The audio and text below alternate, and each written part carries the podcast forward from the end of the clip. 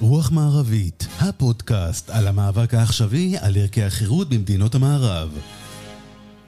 עורך ומגיש, אריאל ויטמן.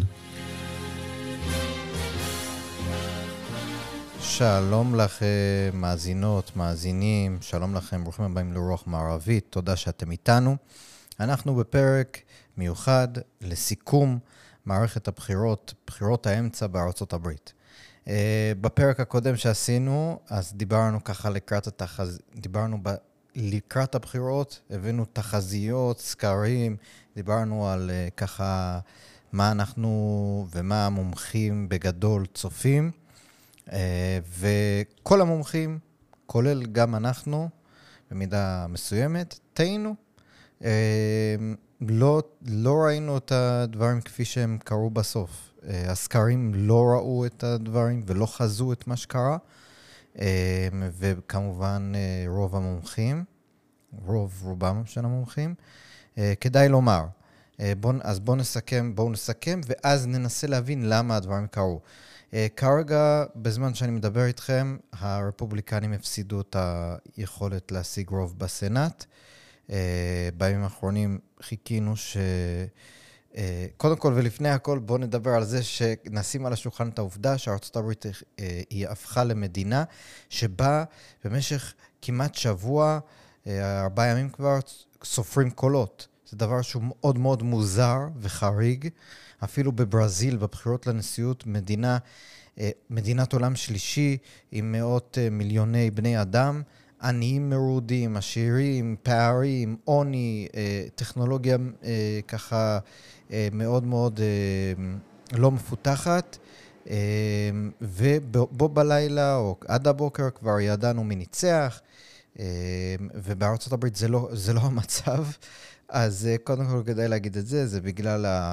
השיטה החדשה בעקבות הקורונה עם הדואר, שבו מצביעים בדואר במדינות מסוימות, ועד שמגיע כל הדואר, ועד שמצביעים וחלק מהמעטפות לא בדיוק אה, עשויות היטב, אז מנסים לתקן אותם ו- ובכל זאת להכשיר אותם, אפילו אם נגיד חתימה היא לא בדיוק ברורה וכולי. הדברים האלה לוקחים המון המון זמן. זה דבר שהוא לא בריא בעיניי לדמוקרטיה, שבו אזרחים מחכים ימים שלמים כדי לדעת מי ניצח. זה גורם לתיאוריות קונספירציה, זה מעודד כל מיני ספקות בתוצאות הסופיות. אה, אז בגדול, קודם כל, בואו נגיד את הדברים האלה. ואז נגיד שבימים האחרונים ראינו שהמועמדים הרפובליקנים הפסידו בסנאט. זאת אומרת שגם המועמד... אה, בנבדה הפסיד אה, אה, למועמדת הקיימת, המכהנת, כך גם באריזונה. מה שהפך את ג'ורג'ה, שאנחנו, אף מועמד לא ניצח, לא קיבל 50 אחוז, ולכן יהיו בחירות בעוד חודש, אבל זה כבר לא רלוונטי לצורך העניין של מי, איזה מפלגה תשלוט בסנאט. השליטה נתונה למפלגה של הנשיא המכהן. אם אנחנו מסתכלים על הסקרים לפני הבחירות האלה, ראינו שבכל המרוצים אה, אה, האלה, הרפובליקנים, או שהם מאוד מאוד צמודים עד כדי תיקו, או שהם מובילים. למשל בנבדה, כמעט ולא היו סקרים שהראו שהמועמד מנצח, המועמד אה, הרפובליקני מפסיד. הוא הפסיד. באריזונה היו היו סקרים שהוא מפסיד, אבל לא סקרים בהפרש כמו שזה עכשיו, שזה ב-4, 5 ואפילו 6 נקודות. אנחנו, אחוזים, זה עוד לא ברור, אנחנו עוד לא, עדיין לא ספרו את כל הקולות, אבל אנחנו רואים שזה המצב. למשל, בניו-המפשר, אז הסקרים הראו שזה המרוץ צמוד, 2 אחוז, המועמדת המכהנת הדמוקרטית ניצחה את המועמד הרפובליקני ב-9% הפרש, זה הפרש מאוד מאוד גדול, זה לא היה נראה בסקרים. אבל בואו נדבר, עכשיו שדיברנו על זה, וגם בבית הנבחרים, שאנחנו עדיין בכלל לא יודעים איזה מפלגה אה, תזכה ברוב. סביר שזה הרפובליקנים, כי הם צריכים לזכות בהרבה פחות מושבים ממה שנותר, אבל אם אנחנו נדבר על זה שזה פשוט הזוי, היו, אה, אה, היו מומחים שאמרו שיהיה גל רפובליקני אדיר, גל אדום, ואנחנו, גם אם הרפובליקנים כן יצליחו להשיג את הרוב, וכך זה נראה בגדול, זה יהיה רוב מאוד מאוד קטן של 2-3 מושבים, זה לא יהיה משהו של 20, 30 ואפילו 40 מושבים, כמו שחלק מה, מהמומחים אה, חזו. אה, אז, אז למה הדברים האלה קרו? אז קודם כל, בואו אה, ננתח את התוצאות של המקומות שבו הרפובליקנים הצליחו. המדינות שבהן הם כן הצליחו להשיג אה, ניצחונות מזהירים אפילו, ולפי זה אנחנו כבר נוכל אה, להבין למה הם טעו ואיפה הם טעו במקומות שהם כן. אז קודם כל, הניצחון הרפובליקני הכי משמעותי היה בפלורידה. המושל דה סנטיס זכה בכמעט 20% הפרש מה... בפער מה... מתחרה שלו. גם הסנאטור המכהן רוביו זכה ב-20% הפרש, בערך כמו המושל, אני חושב אפילו קצת יותר.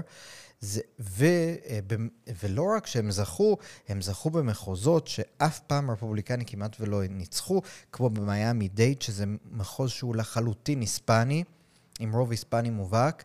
אה, זה דבר שמועמד רפובליקני לא עשה אף פעם, וגם במושבים בבית הנבחרים, הרפובליקנים ממש זכו שם ברוב אה, יפה, אה, וניצחו בכמעט כל המושבים במדינה הזאת. והשאלה היא למה. אם אנחנו מסתכלים על איך דה סנטס ורוביו ניהלו את הקמפיין שלהם, אנחנו רואים שהם דיברו על הישגים, הם לא ירדו למקומות נמוכים, הם הראו שהם רציניים, שהם לא uh, מאמינים בתיאוריות קונספירציה, שהם לא, uh, uh, שהם לא ליצנים במרכאות, שהם לא, יודע, לא רק יודעים לצעוק, אלא הם גם יודעים לעשות, וזה מאוד מאוד קסם ל... Uh, לבוחרים. אני מזכיר שכמה שבוע, שבוע, שבועיים לפני הבחירות היה הוריקן מאוד מאוד גדול בפלורידה. אה, מיליוני אה, תושבים היו ללא חשמל, וממש כמה ימים אחרי הסופה הגדולה, אה, המושל והממשל בפלורידה הצליח להחזיר את החשמל ואת התשתיות והכבישים ולנקות את הלכלוך ו- ולהציל את האנשים שהיו תקועים בבתים. והוא הראה שמעבר לאידיאולוגיה, הוא, הוא דיבר לאנשים, אני מסוגל לבצע. וכך גם הסנטור שהיה שם ועזר. אמ, ואני הולך להצלחה השנייה של המפלגה הרפובליקנית, וזה במדינת ניו יורק השמאלנית. אמנם המועמד למשה לא זכה, אבל הפער לטובת הדמוקר... המועמדת הדמוקרטית הייתה הכי נמוכה ב-20 שנה האחרונות, וב... אם, המוש... אם המועמד למושל הרפובליקני הצליחו לנצח חמישה מועמדים אה, לבית הנבחרים, הצליחו אה, ל... לנצח מועמדים מכהנים אה, דמוקרטיים. ושוב, אה, אנחנו רואים מה היה פה ההצלחה, דיברו על נושאים שחשובים לתושבים, על הפשע המשתולל בניו יורק, דיברו על האבטלה, על המיסים הנמוכים, המיסים הגבוהים, סליחה, על הקושי אה, לחיות במדינת ניו יורק, אה, ועל הניתוק של המפלגה הדמוקרטית מהתושבים. אלה שתי ההצלחות הגדולות.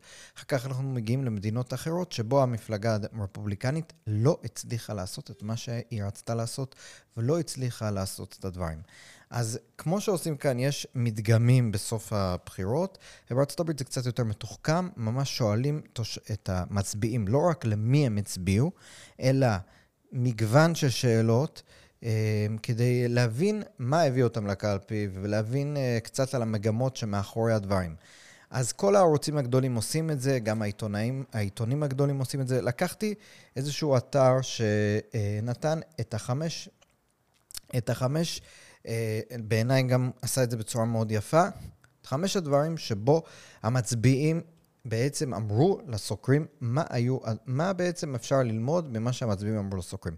אז קודם כל, ודבר ראשון, אחד הדברים שדיברנו עליו בפרק הקודם היה על עד כמה נושא ההפלות והפסיקה של העליון האמריקאי, שבעצם החזיר את הנושא למדינות השונות, בעצם יהווה תפקיד, פקטור בהבאת מצביעים או באי-הבאת מצביעים לקלפי. ואחד הדברים, אחד ההנחות הייתה שעם הזמן שעבר מהפסיקה ועד הבחירות, הזמן הרב שעבר, אה, בעצם ידכא את ה... את, ה, את ההליכה להצבעה, בעצם ידכא את המוטיבציה הזאת שנתנה הפסיקה, ומסתבר שזה פשוט לא נכון. אה, אם אנחנו מסתכלים, רוב, אה, ברוב הסקרים שנעשו, כמו שאמרתי, המדגמים, נקרא לזה, ה-exit polls, רואים שהנושא מספר 2, שבו אנשים הלכו להצביע בפער לא רחוק מהנושא הכלכלי, שהוא המקום הראשון, היה נושא הפלות. וכמעט כל מי שהגיע להצביע בגלל נושא הפלות, הצביע למפלגה הדמוקרטית. ועוד דבר, אם אפשר להוסיף על הדבר הזה, אם אנחנו מסתכלים מבחינה דמוגרפית על איך איך אפשר לחלק את ההצבעה, אז אנחנו רואים שגברים נשואים הצביעו למפלגה הרפובליקנית בפער יחסית, בהפרש ניכר, גברים לא נשואים גם בהפרש קצת פחות, נשים נשואות למפלג, הצביעו למפלגה הרפובליקנית בהפרש זעום, אבל עדיין הצביעו ברובם למפלגה הרפובליקנית, ונשים רווקות הצביעו למפלגה הדמוקרטית בהפרש של מעל 37 אחוז. זאת אומרת, וכמעט כולם הגיעו, כולן הגיעו לקלפי, אך ורק כתוד, ב, כשהנושא בראשון במעלה מבחינתן זה נושא הפלות.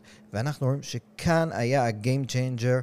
אה, ניסו כל מיני אנשים להגיד שהצעירים הלכו להצביע באחוזים יותר, אה, אני לא... זאת אומרת, יש על זה מחלוקות, לא ברור, אבל בוודאי ובוודאי שנשים רווקות הם אלה שממש הטו את הכף אה, במובן הזה שהם, לפחות במקומות ובמרוצים החשובים, הצליחו להיות אה, סוג של סליפר, אה, מה שנקרא, סוג של ג'וקר.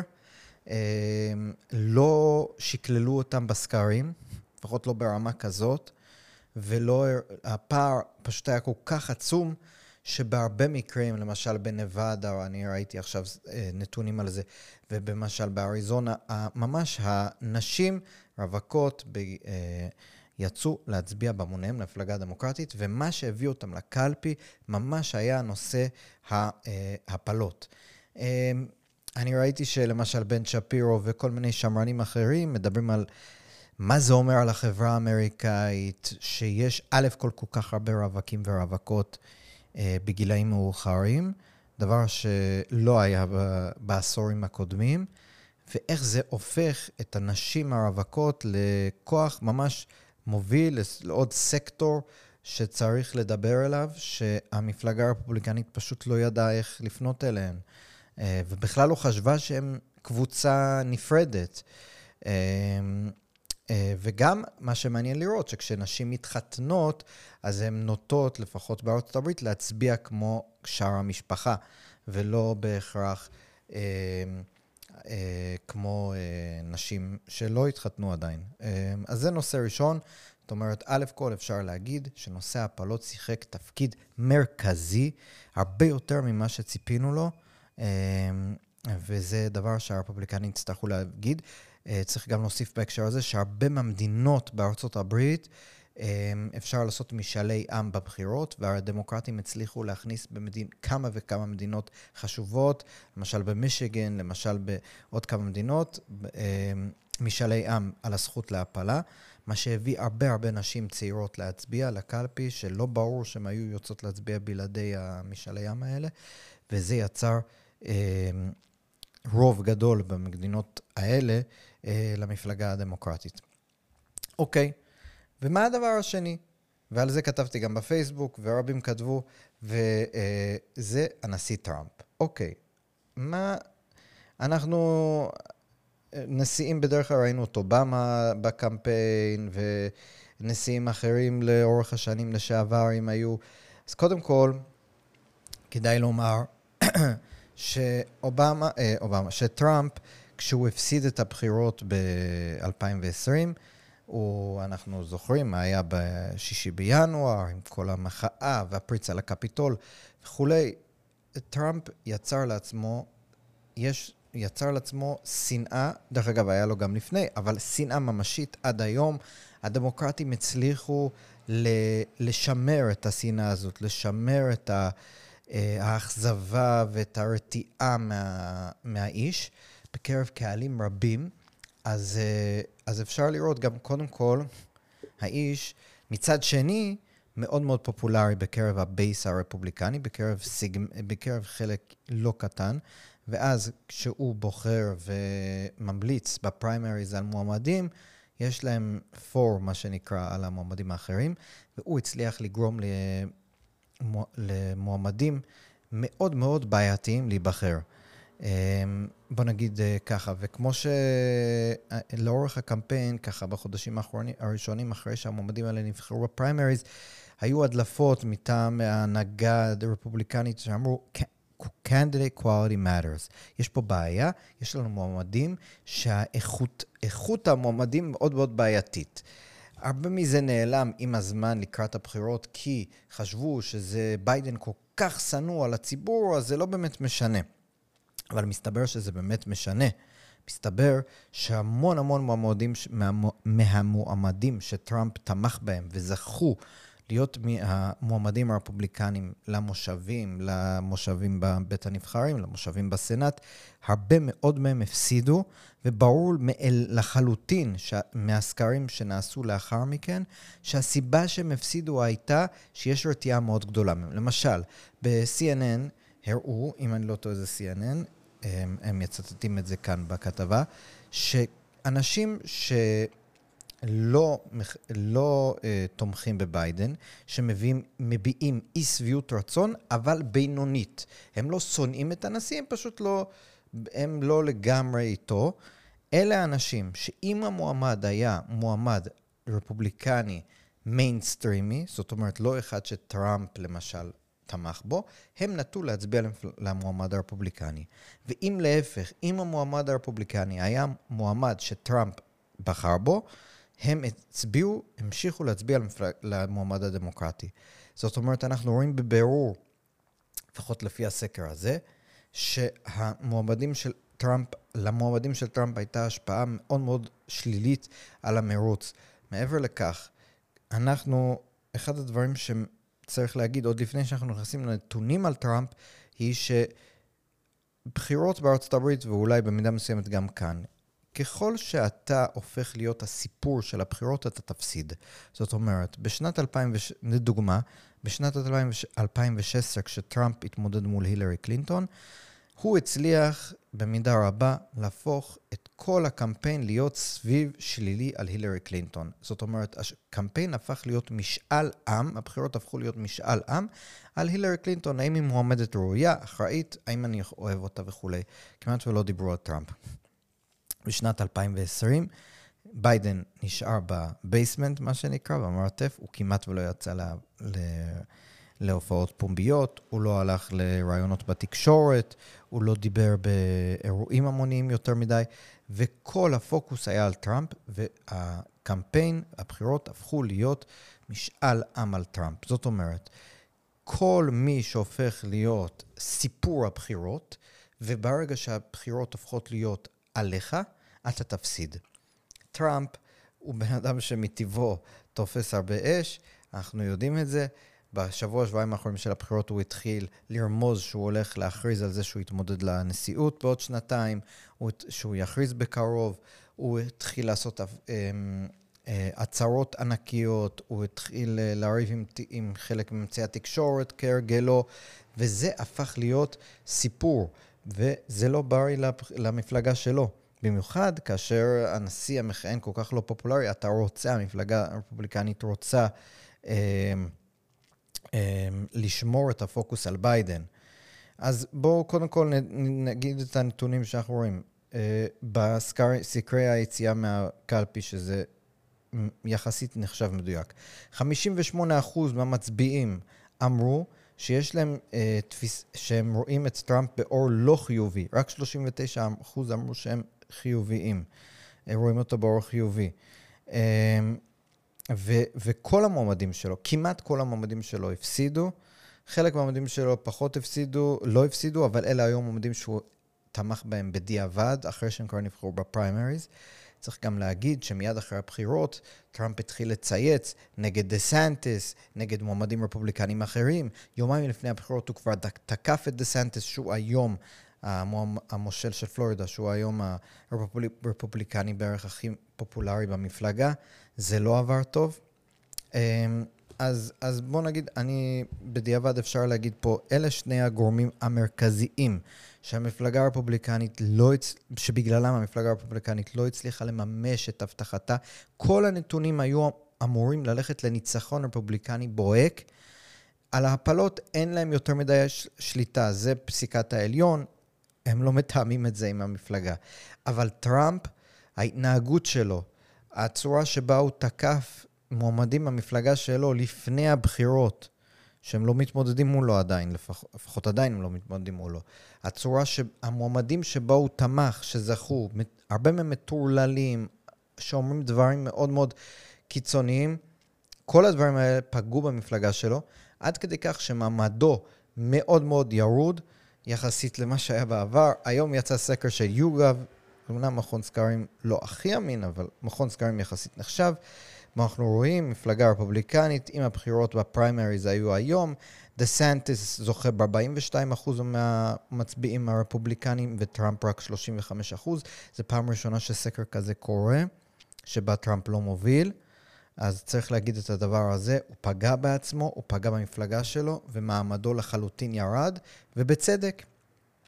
אז עכשיו אנחנו ניכנס לעוד כמה נקודות אור, מה הרפובליקנים יכולים ללמוד לטווח הארוך. קודם כל, אנחנו צריכים לדעת שבגדול, הרפובליקנים, אם אנחנו, אם אנחנו לוקחים, לפחות כרגע כל הקולות עדיין לא נספרו, אם אנחנו לוקחים כרגע את כל הקולות שאזרחים אמריקאים הצביעו בעד מועמדים דמוקרטיים, וכל הקולות של האזרחים שהצביעו בעד רפובליקנים, הרפובליקנים מובילים בכ-6 מיליון אה, אה, קולות. זה משהו כמו 6-7 אחוז הפרש, 5 אחוז הפרש, אני לא זוכר בדיוק. זה משמעותי מצד אחד, מצד שני זה כמובן תלוי אה, איפה הקולות האלה מגיעים, אבל בכל מקרה, צריך להגיד, הרפובליקנים הצליחו לשבור תקרות זכוכית שלא לא הצליחו. למשל, משהו כמו 15% מהאפרו-אמריקאים הצביעו לרפובליקנים, שזה לחלוטין, אה, אה, שזה לא היה דבר כזה לפחות עד היום. אה, למשל, גם עם היספנים יש פה אה, סיפור מעניין. דה סנטיס, שהוא הרפובליקני הראשון אה, שזכה, ב, אמרנו, במיאמי דייד, הוא זכה ב... אה, הוא זכה במיאמי דייד, שזו פעם ראשונה. אה, אה, איפה זה? אנחנו רואים שדמוקרטים, אה, למשל, גברים, דמ, אה, גברים היספנים, הדמוקרטים אה, זכו בפער של רק 8% יותר מהרפובליקנים, שזה מזעזע מבחינתם. אה, בעבר, ב-2018 זה היה 29 אחוז פער, אה, ו, וב, ואנחנו, ובגדול הרפובליקנים היו בבחינת היספנים, אנחנו, הרפובליקנים היו רק משהו כמו 15 אחוז פחות, בעבר זה היה 40 אחוז ו-30 ומשהו אחוז, והפעם זה משהו כמו 20. Um, עוד דבר שצריך להגיד, שאחד הדברים שביידן עשה לקראת הבחירות, um, הוא, uh, והמפלגה הדמוקרטית דיברו כל הזמן על סכנה לדמוקרטיה, אז צריך להגיד שהמצביעים מסכימים, רק שהם לא בטוחים מי אשם בכך. יש, uh, זה ממש חצי-חצי, uh, שזה משעשע. הדמוקרטים מאמינים שטראמפ והרפובליקנים מסכנים את הדמוקרטיה, הרפובליקנים מאמינים שביידן והדמוקרטים. אמ, ודבר אחרון, אמ, בכל הסקרים, אמנם ביידן והמפלגה שלו לא הפסידו בענק, אבל האמריקאים ממש לא רוצים שביידן יתמודד שוב. הם תופסים אותו כזקן מדי, כחלש מדי, כאיטי מדי. מה אנחנו עושים עם כל המידע הזה לסיכום ככה? אה, הייתי אומר דבר ראשון, מה שאפשר ללמוד מזה זה שהמצביע האמריקאי בגדול מאוד רוצה שינוי, אבל הוא לא מוכן להצביע על אנשים משוגעים. הוא רוצה חזרה לנורמליות, הוא רוצה פחות צעקות, הוא רוצה יותר מעשים, הוא רוצה פחות... הוא היה מוכן לצאת למפלגה הרפובליקנית יותר כוח, אלא שהוא ראה, הסתכל על מועמדים שלהם ואמר, וואלה, לא מתלהם במפלגה דמוקרטית, אבל לפחות הם לא משוגעים כמו חלק מהמועמדים הרפובליקנים. וצריך להגיד שמה שזה עושה בגדול, בטווח הארוך, זה שביידן חושב, כנראה ינסה להתמודד שוב, זה כרגע הכוונה שלו. אם הוא היה מפסיד בגדול, אני מניח שהסכינים היו כבר שלופים אה, לגבו. אה, וזה גם אה, נותן למפלגה הדמוקרטית איזשהו תמריץ לא להשתנות, להמשיך עם כל ה-woke וכל, ה, אה, אה, וכל המדיניות יחסית החלשה בנוגע לפשע, וכל הכלכלה של פיזור כספים, ולכל אה, עבר וכולי.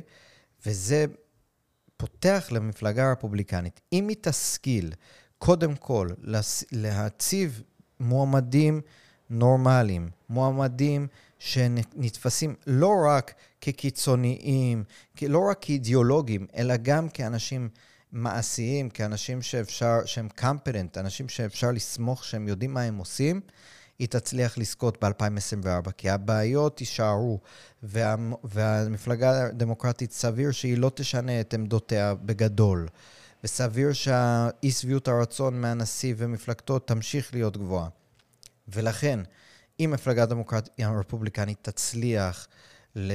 אמ, בעצם, אם אנחנו נגיד את זה בצורה הכי בוטה, בעצם להנמיך את טראמפ, איכשהו אפילו להוציא אותו מהמשוואה בצורה כזאת או אחרת, לגרום לו, אה, להגיד לו, תודה רבה, אדוני הנשיא, עשית עבודה טובה מאוד, כרגע אנחנו לוקחים את זה מכאן, אה, אז היא, יכולה לנצח. אבל אם, וטראמפ צפוי להכריז השבוע אה, שהוא מתמודד שוב לנשיאות, אם המפלגה תיכנס למלחמת אזרחים, מה שנקרא, בתוך המפלגה, ולא תדע אה, אה, להתאחד סביב מועמד, אה, אה, מועמד שידע אה, להתמודד מול טראמפ ולנצח אותו, אז היא צפויה להפסיד שוב. טראמפ הוא לא מועמד שמסוגל לנצח כרגע לפי, ה, לפי כל הסקרים. המועמדים שלו לא הצליחו באופן כמעט גורף. ואנחנו, והוא צפוי להפסיד שוב, והוא צפוי לקחת איתו את המפלגה בשלמותה. אם, לא, אם הם לא אה, ידעו לשים לו גבולות. והסכנה עם זה, שוב, זה שבגדול, ויש לנו עוד הרבה זמן להגיע לזה, אבל בגדול, אם טראמפ מפסיד, האם הוא עלול לקחת את, כל המ... לקחת את החבר'ה שלו ולהתמודד עצמאית, או להגיד לתומכים שלו לא להצביע בכלל? אה, יש פה, יש פה סכנות מאוד גדולות, אבל יש פה גם הזדמנויות מאוד גדולות למפלגה הרפובליקנית, אם היא תדע ותשכיל אמ, לפעול בצורה חכמה. זהו. אני מקווה שבגדול אה, נתתי לכם קצת אה, אה, יותר מידע, קצת פרספקטיבה על מה שראינו. אנחנו עוד לא יודעים מי ניצח בכל, המ... בכל ההתמודדויות, אנחנו נדע בהמשך, אמ, אבל בגדול אני חושב שלשתי אמ, המפלגות יש איפה ללמוד, ובגדול הציבור רוצה מתינות, לא יודע, מתינות זה לא המילה נכון, הציבור רוצה שאנשים, רוצה קמפלנס, הוא רוצה שאנשים, שהוא יוכל לסמוך עליהם, שהם יודעים לעשות את העבודה. הוא מוכן להיות אידיאולוג, הוא מוכן אה, ללכת לתפיסת עולם ימנית, אם זה מה, שצ... מה שצריך כדי להתמודד עם מה שקיים כרגע בוושינגטון, אבל הוא רוצה מנהיגים שהוא יכול לסמוך עליהם שהם לא רק צועקים, אלא שהם גם מבצעים ועושים. אז זהו, תודה רבה שהייתם איתנו ברוח מערבית. תודה רבה לאשתי היקרה שהפיקה את התוכנית. אתם יכולים לחפש אותי, אותנו, בפייסבוק, בטוויטר, בספוטיפיי, באפל פודקאסט, בגוגל פודקאסט. נשתמע.